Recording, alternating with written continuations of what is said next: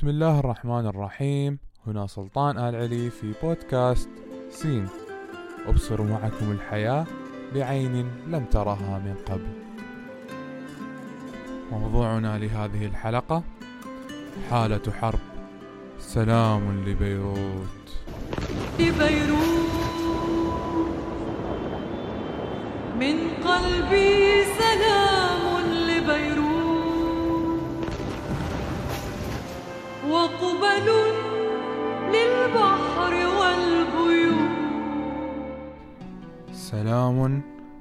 قلبي لبيروت ولكل من يحارب الموت من قلبي سلام.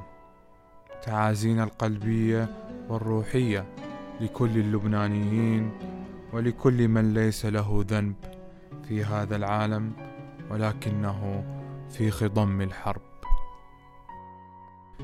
إن الحروب لا تعرف دينا ولا وطنا هي تعرف الأبرياء. وأنا هنا لن أتحدث عن الحرب المشؤومة. يا لقساوة هذه الحروب كم مزقت من بيوت كم أماتت من قلوب كم فرقت فينا الدروب. متى يتوب؟ متى يتوب أهل الموت عن الموت؟ متى تموت كل النفوس الساعية للحرب؟ يا رب يكفي هذا العالم من أخبار الحروب والعنف. ما يملأ شاشات التلفاز حتى لا يجد مقدم الأخبار مجالا لأن يتنفس. وألم تلاحظوا شيئا؟ لم نعد نشاهد في القنوات كلمة إعادة تلك الكلمة التي كانت تخفف مشاهد الألم علينا حين نراها. تخبرنا أن هذا ألم مكرر وليس بجديد فلا داعي للهلع. هو مجرد نزيف من جرح قديم. واليوم كل شيء مباشر. شر لا يستريح الشر. الحكاية ليست حكاية لصالح من ودفاعا عن وكيف وأين. وهل هي متفجرات أم صاروخ؟ هي حكاية روح. رفاق السين. دعوني أخبركم حقيقة. توصلت لها بعد تأمل طويل في صنع الله. لقد خلق الله كل شيء في حالة حرب دائمة وكان أمره مقضيا. دعونا نقول أنه تجسيد آخر لمفهوم الخير والشر. تأمل فيما حولك تأمل في الصور. كل شيء يقاوم. يظهر وأنه في حالة حرب. الأرض في حالة حرب مع ما يهدد بقاءها من ملوثات وإشعاعات. وتلك الشجرة الوارفة من أخمص جذورها إلى أغصانها إلى الورقات الضعيفة. كل شيء يحارب الرياح العاتية. وكل رمال الشاطئ الهادئة تحارب أمواج البحر الهائجة. وبراثن الظلام تحارب أشعة النور في كل ليلة حتى جسمك الآن يحارب كل الميكروبات والفيروسات التي تحاول أن تغزوه وأينما وجد شيء أي شيء كان بين طرفين ووجودين سيكون هناك اختلاف مهما كان بسيطا. ونحن البشر مجبولون على الاختلاف والجدل وكان الإنسان أكثر شيء جدلا. مجبولون على الحرب مجبولون على القتل مجبولون على التنافس على النزاع. ولكن إذا ما نظرنا لكل حالات الحرب السابقة فسنجد أنهم يحاربون من أجل هدف من أجل الحياة. اللبوة تفترس والتمساح يفتك والثعبان يخنق والعقرب يسمم ليس من أجل القتل ولكن من أجل الحياة. لكنك أيها الإنسان أنت الكائن الوحيد العاقل الذي يفترس ويفتك ويخنق ويسمم. أم تحسب أن أكثرهم يسمعون أو يعقلون؟ إنهم إلا كالأنعام بل هم أضل سبيلا. أنت الكائن الوحيد الذي يستطيع أن يعيش دون أن يقتل بني جنسه ولكنه يفعل. حاشاه الله أن يكتب حربا مثلما نرى بني آدم يخوضونها اليوم. بل نحن من نختار حروبنا. هل سمعتم عن أطول حرب في التاريخ؟ لا لا. هي ليست حرب داحس والغبراء ولا حرب البسوس ولا حرب الثلاثمائة وخمسين عاما. إنها الحرب التي نعيشها أنا وأنت وهي وهو. إنها حرب الإنسان مع نفسه. تلك الحرب التي تبدأ من أول صرخة للمولود الجديد وكأنه يخبر الحياة بأنه خرج إلى هنا ليحارب ليحارب كل من يخنق صوته يحارب كل من يقتل شغفه يحارب كل من يسمم أفكاره ويحارب كل من يفترس أحلامه. وكما يقول الدكتور مصطفى محمود رحمه الله أشق الحروب هي حرب الإنسان مع نفسه تلك التي وجدت فينا لنحاربها ونتغلب عليها كما قال تعالى في كتابه الكريم ونفس وما سواها فألهمها فجورها وتقواها قد أفلح من زكاها وقد خاب من دساها. إن الانتصار الحقيقي للإنسان يكمن في حربه مع ذاته وإذا انشغل كل منا في حرب نفسه لن تكون هناك حرب. وسنجد أن كل مساوئ العالم آخذة في الانحسار وتتحول من موحشة إلى مؤنسة كل تلك الأخبار. وسنرى مشردي وليس مشردي حرب. وسنرى ملاجئ حب وليس لاجئي فراق.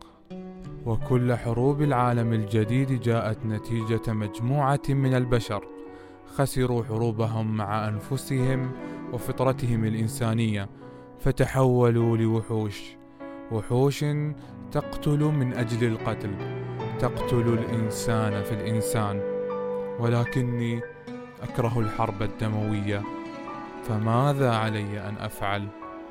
يؤسفني أن أقول لك بأن عليك أن تحارب أيضا. وابدأ حربك الكبرى مع نفسك. حارب رغبتها في العنف رغبتها في الإساءة رغبتها في نشر السلبية رغبتها في قتل الشغف رغبتها في الفساد والقمع والجشع والطمع الطغيان الظلم. هذا ليس حلم. حارب يا صديقي هذا ليس حلم. ولكننا لا نحارب الخوف فقط بل من ينشرون الخوف. لا نحارب الموت فقط بل من ينشرون الموت. لا نحارب اليأس فقط بل من ينشرون اليأس. لو كانت حربنا مع الخوف والموت واليأس فقط لكانت أسهل لكانت أقصر. ولذلك حربنا طويلة جدا. تفنى أعمارنا ولا ننتهي منها ولكن علينا أن لا نفنى ونحن مستسلمين. كما تقول الكاتبة هديل ناصر لقد كان لنا شرف المحاولة ومثلما يخلع جندي درعه ليحصي هزائمة. خلعنا قلوبنا ولم يهزمنا بعد ذلك أحد. لا أحد. والحياة حرب لا يوجد بها سلام أبدي. إنها الجنة فقط بها سلام خالد دار السلام. كما قال تعالى والله يدعو إلى دار السلام ويهدي من يشاء إلى صراط مستقيم. ولكن هذا لا يحدث للجميع إلا من أتى الله بقلب سليم. والقلب السليم لن يأتي دون حرب. علينا أن نحارب عدوان أنفسنا حتى نصل إلى مرحلة السلام لكي نعيش في سلم. السلم الذي مهما وجدت من معاهدات واتفاقات فهو لن يأتي بالسلام ولكن السلام إذا حل سيأتي بكل صور السلم ويحتويه بلا عقود ولا شهود. لذلك أنا أختار الحرب لا الاستسلام حتى إذا تحولت إلى أشلاء حرب. في داخلي سأعلم أنها أشلاء حب حب للسلام. فوحدهم الأموات شهدوا نهايات الحروب وأنا أريد أن أشهدها وأنا بطل. ليس بطلا قوميا لا أبدا. بل بطلا إنسانيا.